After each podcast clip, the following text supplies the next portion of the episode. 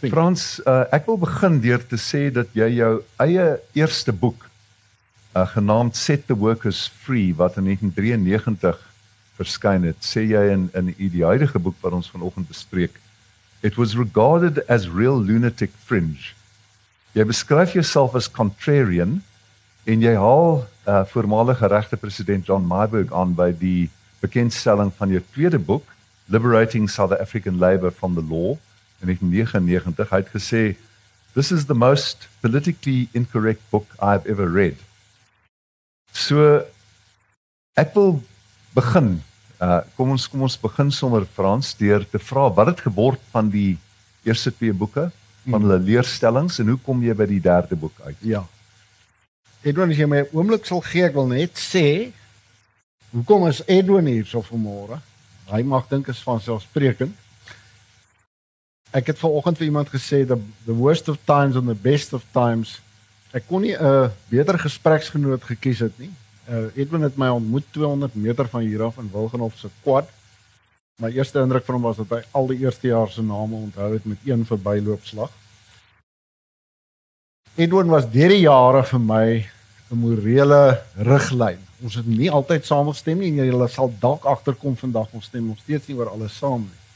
Maar hy was altyd 'n riglyn en 'n rolmodel en terselfdertyd dink ek een van die mees waardige opponente in 'n debat. So daai kombinasie was onweerstaanbaar en ek is baie bly dat hy hier is. Baie dankie Frans selfs in die in die vernederende omstandighede van die Wilgenhof doop. Selfs selfs in daai omstandighede want hy hy hy het dit op die mooiste manier ingevryf. Hy stap deur dan groet hy al 69 eerstejaars, dan kom hy weer verby, dan het hy van elkeen 'n storieetjie wat hy onthou en dis korrek. Dit is uh, dit is so ehm um, pynlik. Jy jy wil doodgaan. Maar Frans met jou met jou was dit maklik geweest. Frans se se vader was op daardie stadium een van die be, uh, uh, bekendste mense in hele Suid-Afrika, Vanus Rautenbach. En hy het deurgeloop in Wilgenhof. Ons het hom nooit vergewe dat sy pa so bekend en so so nou vermaard ja. was nie. Nou nou om terug te kom na jou vraag toe, dis 'n gepaste noot. Ek het eintlik 'n behoefte gehad om my eie persoonlikheid te vestig. Ehm um, ek was toe noem dit maar 'n maverick. Ek is vandag in 'n mate nog. Jy sal wel vind dat ek deurgaans in die boek 'n stryd met myself voer en veral in die inleiding wat ek sê ek is die tipe mens wat ek kan nie morele meerderwaardigheid verdra nie. As iemand vir my skyn heiligheid voorhou, dan het ek hierdie onweerstaanbare drang om hom van sy van sy voetstuk af te trek. En ek moet vreeslik waak daarteenoor want dit is 'n persoonlikheidskenmerk en dit mag jou dalk verlei om in 'n argument in te gaan. Daarom is dit verskriklik belangrik om altyd te probeer om te toets en te toets en toets en selfs dan kry mense dit nie altyd reg nie. Maar die boek uh was die begin omdat ek in voor jou in arbeidsreg opgetree het. Ons het gereeld arbitrasies gehou in die ou IMSA gebou in Auckland Park. En daar daar's 'n voetnota daar. By the way Frans, mevrou Maxakata. Ja. Ons sal die voetnota ander tyd. E, een van die arbitrasies wat Frans voor my het, mevrou Maxakata van die Checkers uh sien dit trek. Dit maak my nou bang. Ja. Dit maak my nou bang. Nie dat hy dit sê nie, maar dat hy dit onthou. Maar ja, ek ek onthou die ek onthou die checkers arbitrasie. Ja, dit was 'n ou oomie, 'n 'n 'n 'n op toesighouer wat teen haar getuig het. Anyway, ons sal ja, nou nie die ons gaan, ons gaan nie nou die gehoor bemoei met daardie besonderhede nie. Te veel familiegeheim uitlap. En uh toe met die wat ek na stap om aan mense nou maar uit die arbitrasie uit en en elke dag dan sê ek vir myself wat het ons nou vandag bereik? En omdat ek vir beide werkgewers en werknemers opgetree het, was daar geleidelike daar frustrasie in my opgebou. Ek gevoel dat die die stelsel werk nie optimaal om samewerking te bevorder. En so het dit gekom dat ek eers toe weg is uit die balie uit nadat ek die boek geskryf het, sê toe ook sê wat 'n beleidsaanval was op die op die op die Dis 25 jaar terug. Dis dis 1993 ja. ja. En uh die tweede boek was 'n soortgelyk een maar geskryf oor die nuwe wet.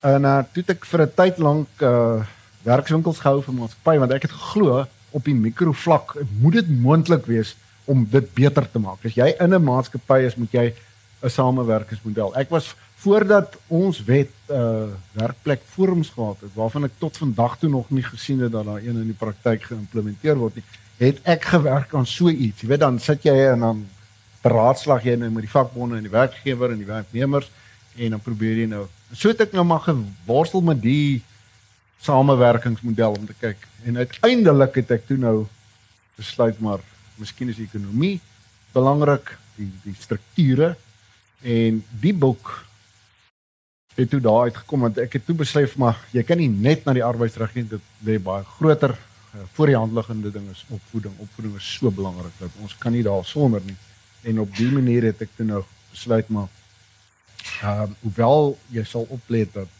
werk skepping nog steeds 'n sentrale faktor is ek dink uh, ons stem saam dat dit 'n belangrike probleem is uh het ek na die groter ekonomie ook gekyk so dis hoe die een uit die ander gevloei het Kan ek jou net 'n opvolgvraag vra Frans? Die die leerstellings wat jy verkondig het in die eerste twee boeke, 500 jaar terug en amper 20 jaar terug. Het jy enigsins aan hulle by hulle aangepas of van hulle aangepas of van hulle afgewyk? Baie baie aangepas. Uh, ek het by die Daar val hy in die lokval sommer in die eerste 10 minute, dames en here. glad nie, glad nie. Een van die een van die beskuldigings wat uh, wat wat jy baie maklik teen my kon gemaak het is dat ek 'n ideoloog is wat nooit my standpunt verander nie. So daar red hy homself of hy dink so.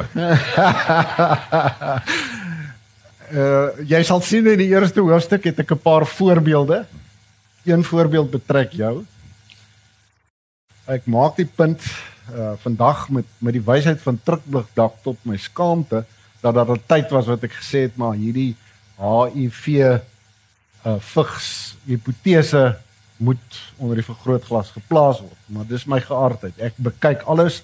Ek ondersoek die getuienis wat ek kry en dan maak ek 'n gevolgtrek. Tot my redding moet ek sê dat ek redelik gou dit die die die, die lig gesien het. Mag ek net intree Frans? Anders as jou beginsel bondgenoot Leon Lou wat aktief vir president Mbeki se uh vigs ontkenning denialism uh, ja. ondersteun het. Maar dis 'n dis dis 'n vierkante hakie. Dis 'n klein hoofstukkie. Ja. Ehm um, ek sê maar net uh toe wat gebeur om nou jou vraag te antwoord is ek het toe redelik sterk geglo maar die gebrek aan of die oormaat van arbeidsregulasie lei tot werkloosheid. Dit was my hipotese geweest. Maar ek loop my toe vas in 'n paar lande daar in Noord en Wes-Europa. Noorwe, Swede, Duitsland, Holland. En dit raak toe 'n ernstige probleem want die lande het uit die aard van die saak 'n hoë vlak van arbeidsregulasie. Dis teenvoorbeelde. Ja, teenvoorbeelde. Hulle het hoë vlak van arbeidsregulasie en hulle het lae werkloosheid en hulle het lae stakings. Nou wat nou?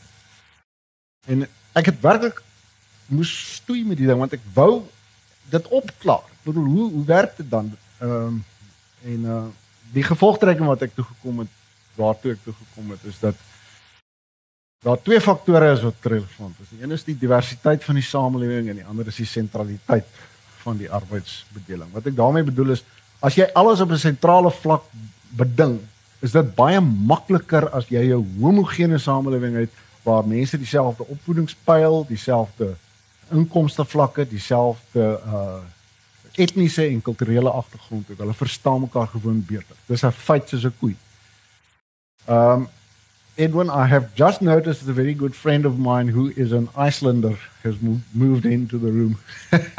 With your permission, shall we perhaps uh, change to veer English. over to English? Please don't feel embarrassed about arriving 10 minutes late. We're going to repeat everything we've said in English for you. I don't have many arguments, so like a good advocate, yeah. I'll repeat them countless times. Yeah. Um, so what happened was that I um, I realized that I had to find an answer for this phenomenon, which is also an Icelandic one, that uh, homogeneity of the society seems to work uh, in a centralized system or centralization in a homogenous society, but not in a diverse society. The diverse society are typically your Anglo-American society.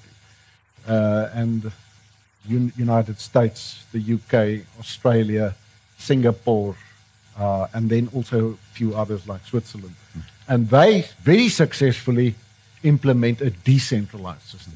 And that's Which is one of your chapters. that's one of my chapters. In fact, it's In a section of the book as well. There's a, there's a theme of decentralization, uh, the second half of the book, which I believe is, is I, I honestly believe we missed the trick.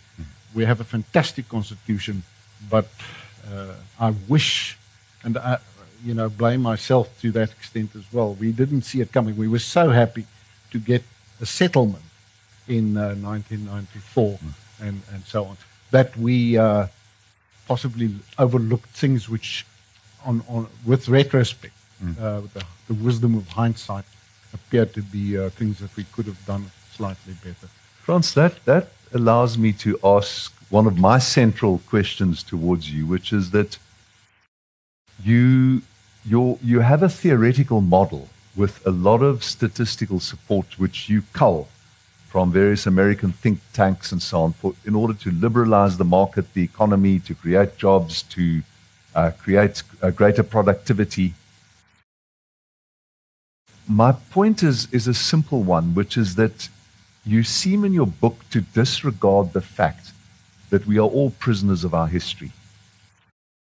And if you look at the way uh, Afrikaner history hmm. of the 1930s, 40s, 50s until recently was itself a product of, of, of the Anglo-Boer War hmm. and, and the grief and the, and the resentments that arose from it and the sense of, of inferiority. You speak hmm. about black pain. You've got quite a section about this phenomenon of black pain where the angry young people on our campuses say, You don't understand black pain. Mm. And you say that's like a childish tantrum. Mm. But would you say the same to those Afrikaner leaders? I, I went to Afrikaans schools mm. where ons sien haar wen, die die die standbeeldjie. Wie was in 'n laerskool waar die standbeeldjie ons sien haar wen was? U moes daar gewees het. Ons was almal daar. In the, the the memory of the Boer War in my in the 1960s, it was only 60 years away. So let me make my point, Frans, which is that the the abstractions of of, of, of, of the free market have got to find location in the reality of political blood and guts and hmm. grime. And do you take enough account of that? All right. Let me let me say, uh, and you've already alluded to it. Is I, I, I start out uh, the book with a reference to to the history, I, I and I, I I put the, the the very elephant in the room of race up front, right in the middle. It is obviously uh, a major issue. It's it's a major problem, and and I acknowledge the historical difficulty which brought us where we are. And it is a terrible history. There is absolutely no question. I, I, I, I- absolutely agree with you in terms of the blood and the guts Let me quickly intrude a square, a square bracket, and then I'm going to give you a chance to complete it. For example, the labor laws. You would liberalize labor law where the dismissal by a white boss of a black worker isn't simply an act of employment termination. It is a reconjuring, a reenactment, a regurgitation of 350 years of racial subordination. Mm. So that's the practical difficulty that you're dealing with a human setting Yes. in which you can't simply liberalize the labor law because it will give rise to terrible conflict. Mm. My concern, there's a, there's a lovely chapter, just, just, just to give this background. You must. We, we are instructing our audience and they're all going to buy the book afterwards. I hope so. Is ek reg dames en here? Yeah. Daar's hy. Um, let me just say, in your book, which is in the blurb, uh, Witness to AIDS, it's a wonderful book. If, if I, I hope this is available, I don't know, but uh, I, I enjoyed this. It's gut wrenching. I have to tell you, I found it a, a very personal experience to read the book because it's really well written from that perspective. And uh, what Edwin reminds me of is precisely the point you're making now that this clinical economy that I impose must be tempered with, with the empathy of pain. One, one has to find that balance somewhere. At the same time, I drive past the townships. I drive past uh, the easiest one for our my friend Samuel over there, as you drive from the airport to Cape Town and you see the little shanty towns. And I know that is the result primarily of yes, apartheid, yes, lack of education, but as we sit here, unemployment. And that unemployment has been growing hand over fist. I don't know that there has been a, a middle income country in, in recent history which has had such an impressive uh, record of, of in, unemployment. In, increased unemployment. Increased unemployment. Officially, around about 26%. Yes, 26, 27. That's the narrower definition, otherwise about 36%. And we're talking about, if you look the narrow, the wider definition, 9 million people. Now that is guts and glory and pain. That is really, to but me, to persuade that is painful. people, Frans, to persuade people to your solutions, mm. you have to take all of that into account. Yeah. And I, my, my challenge to you is that I don't think you do it su- sufficiently. Mm-hmm. I, uh, I believe how we persuade people is obviously important. We have to, we have to work every day on, on, on how to persuade. My aim was to say, what do I think will work? And remember, you, you raised the issue of persuasion, and, and, and I, I acknowledge in the very last chapter the it's art an of, advocacy issue. The art of the possible. How do I do possible this? And it is change. immense difficulty, and I and I understand. Uh, uh, most of the chapters I end the, it will be a battle to the death to try and because we know we know how painful it is and how many historical uh, forces there are pulling people apart.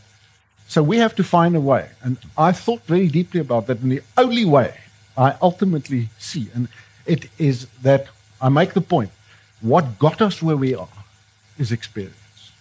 It's the experience of pain of black people and the false uh, illusion of prosperity on the, on the white side. That's what got us where we are. How do we change that? Well, we have the reality of pain, but we have the specter, the, the, the, the, the onlooklikheid, the, the, the, the, the attraction of a remedy. So you've got reality and remedy. Yes. Let me go back a few steps and, and bring my, you, you very kindly and generously mentioned my book, Frans. I've been perverse, averechts, about three things in my life. The one was uh, racial politics in the 80s, to which I came late. Uh, uh, when I was in Stellenbosch, I'm not proud of my political profile at Stellenbosch at all. I wasn't uh, uh, an outsider. You did okay. Moenie vir my help nie. Kom ons los dit net daar. Ek kon veel meer gedoen het. I, I came belatedly to it. The second, Frans was my own homosexuality and the equality, the rights to equality of LGBTI people. The third was AIDS. They were all difficult issues. Uh, the least difficult one for me was the racial issue because when I got back from Oxford finally, I was committed to a human rights law practice. What was happening seemed very grievous and gross to me. With homosexuality, I knew from my very soul that I'd been born like this. For 30 years, I'd struggled to deny the fact that I was not the same as most other people it was completely self evident. And to almost every LGBTI person that you meet, most of them will say that they were born like this or that it became evident to them. We are as unchangeably same sex oriented to the extent that each of us is, mm. as most people are opposite sex oriented. So there wasn't, I'm, I'm, talking about empiricism, by the way. You'll see where I'm, I'm, I'm coming to.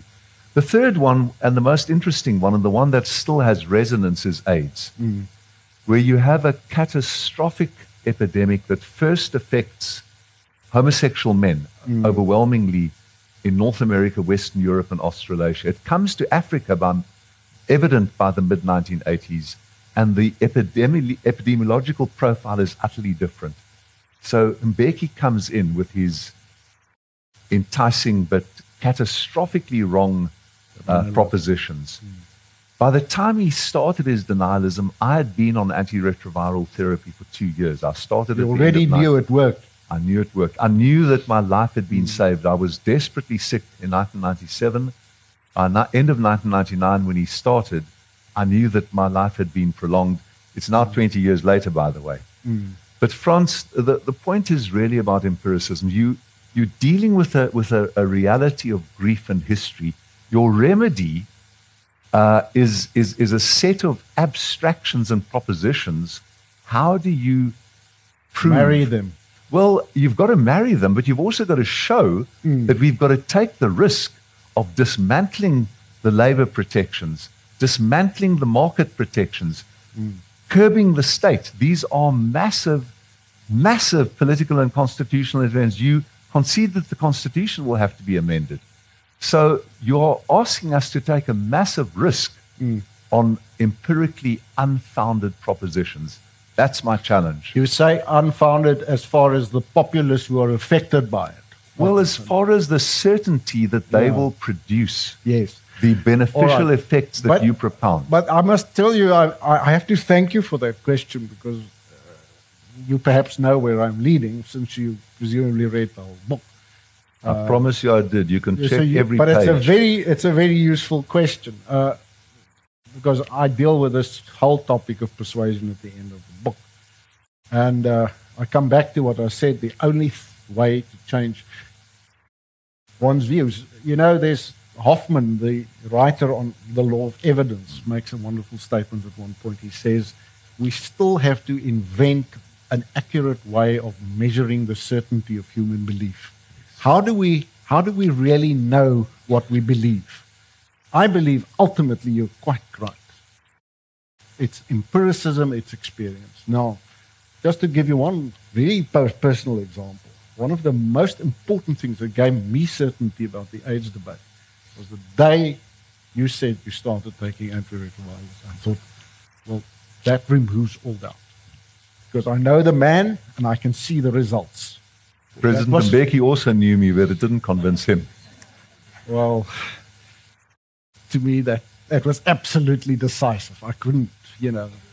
All right. But Frans, No, no, let le- me- a quick square bracket. You're also a climate skeptic.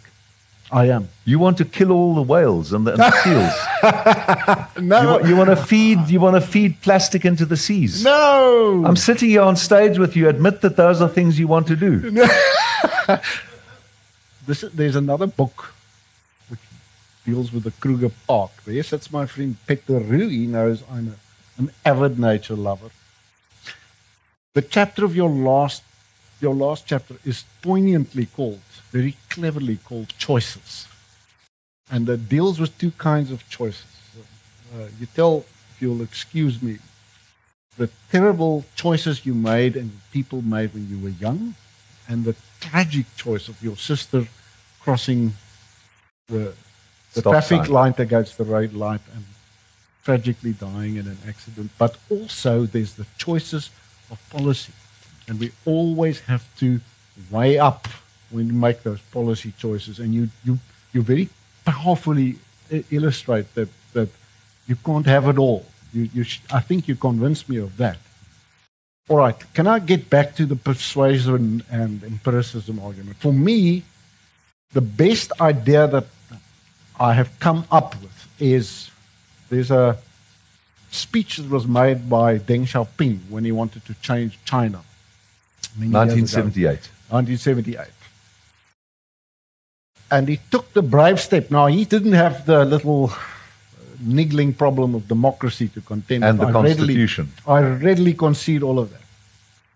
But Deng Xiaoping said, this thing, which seems to be creating a measure of prosperity across our borders on the other side, in Hong Kong, which was really very, very close. Maybe we should try it. And the image that he used, I, I really loved, was to say we must cross the river feeling the stones one at a time. And what he said is something which reminded me of what Cyril Ramaphosa recently and frequently said. Ray Hartley in his book points out that Cyril Ramaphosa makes use of the term a beachhead. You must, you must stake your claim a little bit at a time. Now, what I'm saying is, if it could be possible, and I know there are constitutional constraints, but I see the possibility that we start feeling the stones carefully one at a time. In other words, let's create small experimental, call them zones, call them projects, where we, and we don't have to do everything at once. Uh, I have in mind, for example, a schools project, which has got a certain implications. I have in mind a housing project, which which has certain implications. But they all You, you want to stop government funded housing and, and give it over to private enterprise. I, I basically want to stop government funded housing. And I'm not alone. There have been ministers who sent, uh, echoed that sentiment. I would like to well, you see. quote Lindiwe Sisulu, Yes. who says people must stop expecting houses. Yes. I, I, I, I, I- I'm not necessarily saying that is the, the, the be all and end all of all authority. I'm simply saying, and I think there are others. But let's, uh, let's explain what, what I have in mind. Uh, I foresee the possibility that there are in a, an area homeless people, no money, no income, no jobs, and possibly, in many cases, no social grants. I cannot see any reason, in fairness, why people in that situation cannot be employed by a private construction entrepreneur free from the current uh, constraints of labor law uh, and other laws. I think I, I also foresee the bureaucratic red tape being being. uh, Would you abolish is- workmen's compensation? Unemployment insurance? Hy is onder die versoeking. Ek plaas hom so onder die versoeking. I, Hy vroeg.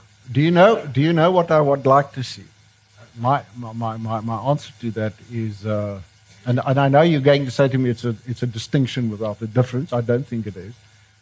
Section five of the Labour Relations Act and Section five of the Basic Conditions of Employment Act both say you cannot contract out of the law. I would like to see, for very limited purposes, those sections scrapped. In other words, let the parties sort out what you contract out. And because it's still better, I, I think, and this is maybe where your choices come. We can't have it all. You can't have that person building a house and living in a house and having a career and having labor laws applicable for him. The, the real difficulty choice. you, you need you say let the parties. The parties in your abstraction are two mythical sides. In the reality, it will be an employer with a lot of capital and a bucky and a lot of power, and it will be someone who's got nothing. There, those are the two parties. Mm. Absolutely. So that, that's, that's the risk. What you're talking about is the the difference in, in, in, in, in bargaining power, in, And agency. in economic strength. Correct. And human power. Edwin, there is nobody with as weak a bargaining position as the unemployed. Absolutely nobody. And that is where my, call it, relative moral certainty comes from. Nobody is as miserable as somebody who cannot command a job. That's where the weakness comes. You, you are so weak in your impotence because you don't have a job. And that's my, the, the poorest of the poor has a meaning. And to me, it is that person who is absolutely too uneducated. Historically, you understand what I'm saying, too black by reason of the disadvantages coming with that, and possibly female, and as I said, untrained to command a job. Whereas if we give that person an opportunity to enter a housing project where you will learn basic skills, building skills, carpentry, and this can become a longer term project where you will continue working for the same employer. And because of the simplification of the regulatory structure, you can do it more cheaply. And what do you do? You solve, start solving a housing problem and you start solving this wealth creation, unemployment problem in one go. Uh, I, I, I just can't see from a, you know, a moral perspective why that is why that is a bad. Let's idea. let's go back to the other end, Frans. Um, you aren't a free market nut. No, I'm not. I, I, I, I'm not it's a nut in concession any I'm willing sense. to make. No, I agree. I, I'm, I, and, and I'm prepared to make the concession that I make it several times. That uh, I call myself a libertarian, but even I have to concede there are manifest roles for the state. Central bank, Central bank, police force, army, traffic. You concede all of those. so no, it- cross-examination. exactly. But it's an important point, Frans, because Yes. two of the most influential commentators who who I read in Business Day and Financial Mail are Peter Bruce and uh, Tim Cohen, and they propound some of your propositions, but much more modestly. So, what is the difference? Where Why- do you draw the line? yeah. What do you, where you, you, you, you, you protect yourself by saying we've got to have a beachhead, but they don't embrace the ideological structure that you are in fact pursuing. Uh, it's, a, it's, it's an extremely difficult question. I can, I can be glib and, and, and, and, and say you need, you need the intervention of the state insofar as it uh, protects the freedom. But really, is that going to, is that really going to assist us? I'm not sure it is.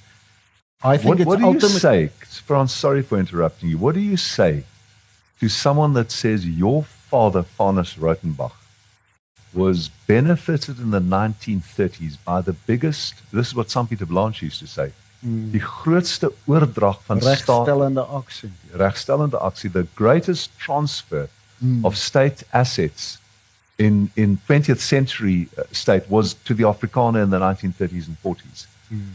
What do you say to a black person who says, you benefited from that? Your sons, whom you mentioned in the first chapter of the book, benefited. I benefited from it. Now you want to stop all of that. Hmm. Doesn't that reek of utterly unacceptable injustice? What reeks of injustice is what has been happening in the last 20, 30 years. To me, uh, I, I do think I have some evidence on my side for saying that we have been digging a hole and we must not think if we keep on digging the hole we're going to get out of it. And that is that is the concern that I have. I, I, I think to me that also reeks of injustice. There is no perfect moral symmetry here. It's impossible. I, I tried to. I honestly tried to sort sort out the moral symmetry of the, the especially the employment equity or affirmative action argument. I don't think it's possible. And difficulty is this. If you look at the curve of the incomes, the most remarkable thing is that post 1994, white income soared compared to average black income. To me, that is a sad state of affairs. It should have been the other way around. What the project that you're talking about should have gone the other way. And And, the- and we the- know, sorry, let me just finish the sentence. And we know as we sit here, if you have a full scale transfer of wealth from now the minority white to the majority black, that will be an economic and a moral catastrophe. I, I, think we must make an important distinction that wealth transfers on their own can be catastrophic. We saw what happened in Zimbabwe where the land was taken. There's a, a, a general consensus, even amongst the political elite in South Africa, that's now adopted the idea of, of, of, of amending the constitution, that the Zimbabwe style wealth transfer cannot happen. But the question is not whether you're going to take wealth away from the current whites, but how you're going to use government action. The real debate is not about who, about wealth accumulation, historical wealth accumulation. That's part of the debate. The real debate is how are you going to use government power? And you want to reduce government power at the very time that I certainly think that government power is indispensable? Uh, Edwin, there is no government power that is not money. Government power is money. So Rent. you can you can rent rent. You can dress it up any way you like. Ultimately, when you reduce government power, you reduce the amount of taxpayers' money that is being spent. That's that's basically what it boils down to. Uh, a graph which is not in the book. Forgive me for because I, I have to look somewhere for evidence. I compared our peers, 24 of our peers, in terms of state spending. There's Middle income countries. middle income countries, the 12 above us and the 12 below us. So, uh, fair sample. The only one that spends more than us by way of state consumption spending, and that list is Namibia. Guess which country has more unemployment than South Africa? Namibia. My difficulty is there is there are choices, and there is no choice like that that does not have consequences. And my uh, the, the statistics show bigger state power, which translates to bigger state spending, higher unemployment. It is almost a mathematical correlation. Frans, I want to go back a few steps and just, it's a fascinating thing to say to a largely or exclusively white audience. Those figures are incontestable. That the white section of the population, it's true that something like five or six, maybe seven percent of whites now live in poverty. There are, the, the, the stories are exaggerated, but they are a bit lakkerskampe. You know that. But 95% of white families have in fact done very well. Yes. That has coincided with the fact that the civil service has become overwhelmingly black. Yes. So white people were constrained to start postnets, to start elec uh, electrical engineering businesses, Franchises franchises, whatever they did, and they thrived. So they've done very, very well. But they, they've managed to do that with the accumulated advantage of a century of pro-white affirmative action. I have no doubt about that. No, Now, no. while, while we're agreeing, I, ek wil vir jou een klap gee. And then I want to invite questions from the audience. Is daar vrae dames en here? As long as I gaan nou by u kom. back. Ja, u het een en wie wie nog? Ja, nee, jy moet terugklap. Frans, dis dis- dis die volgende. Dis die ou debat which Martin Brassey started, which is and you you put it in a different way. Martin Brassey is a very famous labor lawyer who's a colleague of Frans. And the question he asked controversially was uh, can you speak about being disadvantaged? It's, it's the Helen Zille colonialism debate, and you actually venture on it. I was before Helen. You, your, you were, your book was at the printer before Helen. I tried to pull it, but I couldn't. The, the, the, the basic emotional issue is whether there was any benefit from colonialism. Martin Brassey put it slightly differently. He said, How can you say that you were disadvantaged by colonialism or that you need affirmative action when, if there'd never been any white settlement here at all, you might not have been as well off as you are now? So you've got to do a comparative uh, uh, exercise to say, well, although white people have done extremely well, black people have done a bit better because of, of the white presence here. It is a very loaded, contentious debate. The proposition, the club I want to give to you is that your construct in the book, uh, it, it leaves out of account that there could have been white settlement and colonialism without the degradation and the injustice and the subordination and the indignities of colonialism. uh, I disagree. I, I, I discuss that scenario expressly. And what I say is if we had done what we were supposed to do, let us say we started here, we, we arrived here, we colonized, but we had no discrimination, we had, call it a liberal dispensation. What would have happened?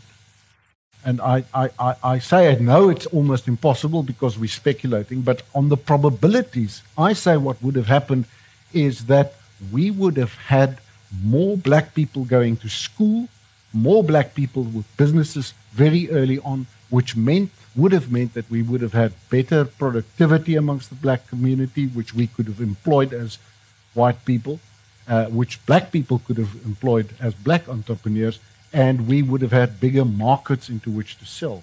So the point I'm making is that would have meant that white people would have been better off. There's no profit in discrimination. It was a terrible travesty not only to the black people, but we did ourselves a huge disfavor. The tragedy, speaking about choices, is that we had that that option with the National Convention in 1909, and Britain, because of the burdened history of the Boer War, stood back and let the the Boer liberals, Botha and Smuts, and the others negotiate with the the English establishment to exclude uh, black franchise, except on a very limited basis in the Cape, which was a great tragedy. Here, ons is nou 3 kwartier in ons gesprek in. Uh, we welcome your questions. I've located one question and we're going to take other questions from the audience. Where, do I recognize anyone else who wants to to ask? Meneer vir u. Names, maybe? Ja, please if you identify yourself. Ehm um, goeiemôre, my naam is Enrico Knoesen en ek het 'n vraag of ons nie in die gesprek die olifant in die kamer mis nie. Ek wil graag die volgende vraag vra. Hoeveel onwettige immigrante is daar vandag in Suid-Afrika? En hoeveel immigrante is daar van ander Afrika lande in Suid-Afrika? En sou ons so onmenslik wou wees, is net 'n hipotetiese vraag om al daai immigrante terug te stuur. Wat se impak sal dit op ons uh werkloosheid hê? Samuel, should we send back approximately estimates 3 to 5 million cross-border migrants whom Enrico calls uh, illegal immigrants and would that not have a beneficial effect on the nation and the economy? Frans, I wait with anticipation for your answer. Can I speak uh, English? Jammer. Jy verstaan. Um I I think it would be a bad idea because it will probably harm our economy. I think, Frans, by the way, we agree on that. Yeah. We I agree it, that it cross-border migrancy in Europe, in North America, helps the economy. Yeah. And, and the, the, the history of the last two, three hundred years also shows that import tariffs, like Trump in America wants to impose, have been a catastrophe for economic development. Ladies and gentlemen, my free market colleague, Mr. Edwin Cameron. Mr. Just former Justice May I say that we are talking about international tariffs. and we, we see, I see international tariffs as being exactly analogous to cross border uh, uh, prohibitions on, on, human, on human migration. I, I, I agree absolutely. We agree on that. I, I think that uh, Without conceding the ideological underpinnings. No, no. I, I believe that the problem is too.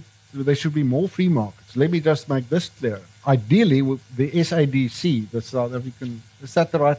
DC, the SADC, yeah, SADC. Development Community. SADC, our, our local uh, trade area, should all be a free market area. That would have been even better. and a single passport. because it's yes i hate the idea that um, if you go to Diepsloot, which is a, an informal settlement outside of johannesburg i think the figure is 48% of the uh, of the entrepreneurs are foreigners whereas only 19% of the population are immigrants so there's a disproportionate amount of initiative and entrepreneurship amongst them, which I, of course, ascribe partly to the fact that they, they have no choice. It's, Most a- immigrants, it's, it's called the migrancy imperative. Yes, You arrive in London or in Sydney or wherever, you've got to work extra hard. And every Zimbabwean here has got to work extra hard. yes, and he does not get uh, the benefits, social many of grants. the benefits that uh, that we, we, we, we didn't touch on that, but uh, that's a Well, That's a I, difficult I one. let you off. Frans sa- says that social grants, which uh, are 18 million social grants benefiting 12 million people, he says they are a form of morally noxious and unacceptable rent seeking. let me let me just say I I identify Dis die braai gedeelte. I identify a difficulty because this is why the Diepsloot example is, is, is important. And they, I, that's not the only evidence, but I, I, there's a puzzling low level, puzzlingly low level of entrepreneurship in, in South Africa at, at all levels, but also at the very lowest level. Whereas you look north of our borders where they do not have, they can't afford social grants and other forms of welfare to all practical intents and purposes. You will find vastly higher levels. Uh, I always use the example of Uganda, where I consulted a few years ago, and I, I arrived on at 12 o'clock on a Sunday night, and I traveled from the airport to town. And all along the road, there were stalls of people welding, making, fixing cars, doing hairdressing, washing dogs, etc. So it's the most entrepreneurial country in, in, in, in, terms of the global entrepreneurship monitor. Uh, a desperately poor country uh, with a terrible history, as we know. If, if anything, a more and a terrible history. autocrat, the longest yeah, yeah. Uh, autocrat, longest in power. And yet, a spirit of entrepreneurship which you have to admire with very little state support. And I personally say it's not in spite of the lack of state support. I think there is something in the human spirit which says if I really have to, because I'm not given a crutch, I can do it. Would, you abolish, really, would you abolish social grants? I would phase them out. I, I think if we say tomorrow we have to scrap all social grants, I, I, you can just imagine the, the, the, the social pain that would be caused. I think one must we must design a way. I, I spoke about the housing uh, project earlier. I, I, say, for example, if somebody signs up for the housing project, where he becomes uh, an employee under that dispensation, uh, he waives. I'm assuming he has a, a social drop. He waives it. Unless you phase it out, you give him an alternative. The other way is workfare, where you say, uh, on condition that you can actually demonstrate you're looking for a job in South Africa, we know it's very difficult to find a job. So I'm not so convinced with that one. The other one is the Apart from the fact that people experience work fears as very humiliating. Yes, it's, it's, it's sort of, it's, it goes against my gut because I love the dignity of freedom of choice. And, and that to me, it's, it's, it's almost like the IMF coming in and telling us this is how you have to run your economy. Uh, do this, do this, do this. It's humiliating. So I, am not very, very fond of that one. The other possibility is we give parcels of land. Uh, marry the two crises. The, the one is the, the land difficulty. We sit with millions of hectares of state land. Why don't we, and we can decide about the size, but why don't we give a parcel of land to somebody, but then pari passu, we exchange that for the, for the welfare, because that's giving somebody a start you give him a fishing rod rather than a, a fish every day. Nog vrae dames en here, more questions. Yes sir. Ma'am? Yes, uh, the person there? Yes sir.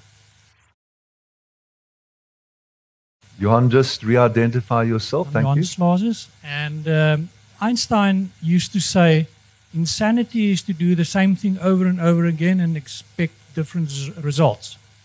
Now, we've had a government in, in power for the past 22, 23 years with a very much centralized, controlled economy. And uh, we can see the result of it is rising unemployment, decreasing income for the black population, and rising state uh, expenditure. Hasn't, haven't we reached the stage where the, this very well um, labor laws must be tweaked. I don't say abolished, and, and that's where I support um, the speaker that we should perhaps firstly look at tweaking the labor laws to try and get a different result because we haven't been successful up to now. And then, secondly, with the new president that we have and his background of the economy, is there chances or are there chances that this may happen? Um, I think, funnily enough, there is a chance. I, I looked at, uh, uh, as I said, I've just finished reading the, it's not a biography, it's a, it's a book by Ray Hartley, the former Sunday Times editor, who wrote about Ramaphosa's potential presidency. In fact, he had his discussion here, and the point that was made is it's the best timed book in the history of South African publishing. It came out all virtually on the eve of the NEC election, and all his bets came through He's, he won that election and he ultimately became the president. And I have since been wrestling with this question because I say to myself, where do I, as a potential reformer now, go? Do I go to the DA or do I go to Mr. Ramaphosa or do I go somewhere else? Or the EFF. Yes, the economic freedom fighters. I think that's the closest I'll get to salvation is that the name has to do with economic and freedom. And my reading of Mr. Ramaphosa, I may regret this later, but my reading of him is that he is an extremely ambitious man. He's an extremely practical and extremely efficient organizer and negotiator. And extremely competent. And he's really competent. I mean, his, his record is. Uh, I know we tend to. I, I always try and avoid this. Well, let's not even say black.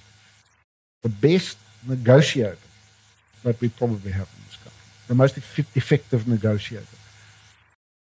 But the, the, the mystery is is he an ideologue? Does he really believe? Remember, he was the founder of the NUM, and he was the person who took the NUM from the black consciousness movement across into the ANC camp. Does he passionately believe in the underlying ideology of labor legislation? Or has he never believed it? Or maybe did his business experience and exposure give him a far more nuanced vision? I'm hoping that he's a pragmatist. I, am hoping Frans, that uh, Mr. Ramaphosa was in charge of the NEDLAC negotiations that led to the package of labor law reforms that included the strike ballot which is seen by many people as, as pivotal. As a liberalizing yes, influence. Well, there's a glimpse.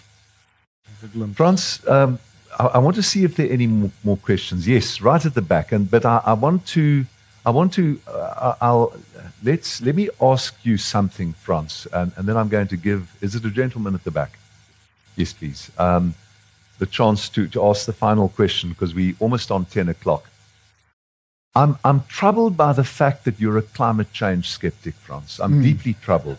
I, I, really am. It, it's, it's, it worries me because I've, I've, and I have known each other since 1975. Is that when you first, first heard Volkanov? 76. 76. You okay. were just the ex-prim. Ek was toe net net afgestaan ja, as. Ja. Ek het jou nietemin gedoop. Ja, jy ja. was daar country member. Tot my groot genot. Frans, um the, the, the analogy between the science of AIDS and the inferences from the epidemiological patterns of AIDS and climate change are very similar. very, very similar. In both cases, you have weighty empirical evidence that suggests that man made interventions are creating a, an imminent crisis, which may be an imminent catastrophe of climate change. The same occurred with AIDS. You have repented of AIDS. You've given my personal testimony a role in that. And I beg of you, before we take the last question, to repent of your climate change skepticism. I, can, I, can I implore you similarly? And I, I mean this. Bring a comprehensive set of evidence and argument, which is coherent, which, which makes sense. Let me just give you one example. Uh, I use it's circumstantial evidence at the moment. There's no direct evidence. Nobody can observe. Like, like with AIDS. Yes. Like with AIDS. As with AIDS. Now, from the, the, the serious change in climate occurred after 1945. A serious uptick in CO2 because of the industrial development. And in global warming. Yes, and in, in global warming. And in particular since 2000. But from 40, 45 to 75, the actual temperature record shows a decline. It actually declined. And then, secondly, in 97 to 2015, there was a flat line. Now, you can explain that in many ways. And the scientists do. Well, that's my difficulty. Voordat ek in trane uitbars. Kan ons daardie man asseblief vra? So, last question and then we're going to wrap up. Please identify yourself, sir. Hello, uh, I'm Or Groeneveld and I'm a I'm a civils contractor, so my question is about the construction. um, which I like. I like the example that you brought up. Uh, we've got a huge problem with with uh, uh, entry level rates, entry level uh, uh, labor um, rates that we have to pay, and I think it's a it's it's it's one of those industries in South Africa. It's a prime example where everyone's losing out. We're losing out on skills. We're losing out on skills that we can export to other countries. And we now, as, as is saying, we're now sitting with a lot of foreigners coming in and taking over those jobs. Um, we're falling back onto labor brokers. Everything is just wrong about it. Um, what are your views on that specific, and, and where should we where should we appeal for that? And maybe you've seen something in Tanzania Kenya, etc., that you that you can offer. Frans, uh, a last answer and a wrap up. Yes, I um, I think by now it should not be a surprise that I I, I tend to be sympathetic towards that difficulty. Um, the, the the difficulty is that uh, such such a vast majority of our workforce are currently and for the foreseeable, possibly decades, will be uneducated and untrained. How do we get them into the workplace? Uh, and uh, there, there are some industries where this has been demonstrated very graphically. If you, if you impose minimum terms and conditions, which simply puts it out, out of reach, that you, the employee cannot command a job, We deny him that opportunity of getting in the door and learning and working his way up. Um, Edwin, I, I have to thank you enormously for your kindness of being here and the and and and the the gent, gentle treatment that I've received at your hands. Low warm. I'll send you I'll send you my climate change uh, spiel, Which will And- definitely trigger tears. and I will. Yes. I, no, no, no. Please don't don't get all sensitive and blubbery on me. I know you're tough. send send me an answer and uh, we'll we'll take it further because at the moment I'm I'm just that. I'm, I'm not, there's a difference between a skeptic and a, and a denier. denialist. I agree with that. Ladies and gentlemen, I think we are indebted to Frans for writing a provocative book. Thank you for your presence. May we give him a round of applause. Baie dankie dames en here. Dankie Edwin. Met groot plesier.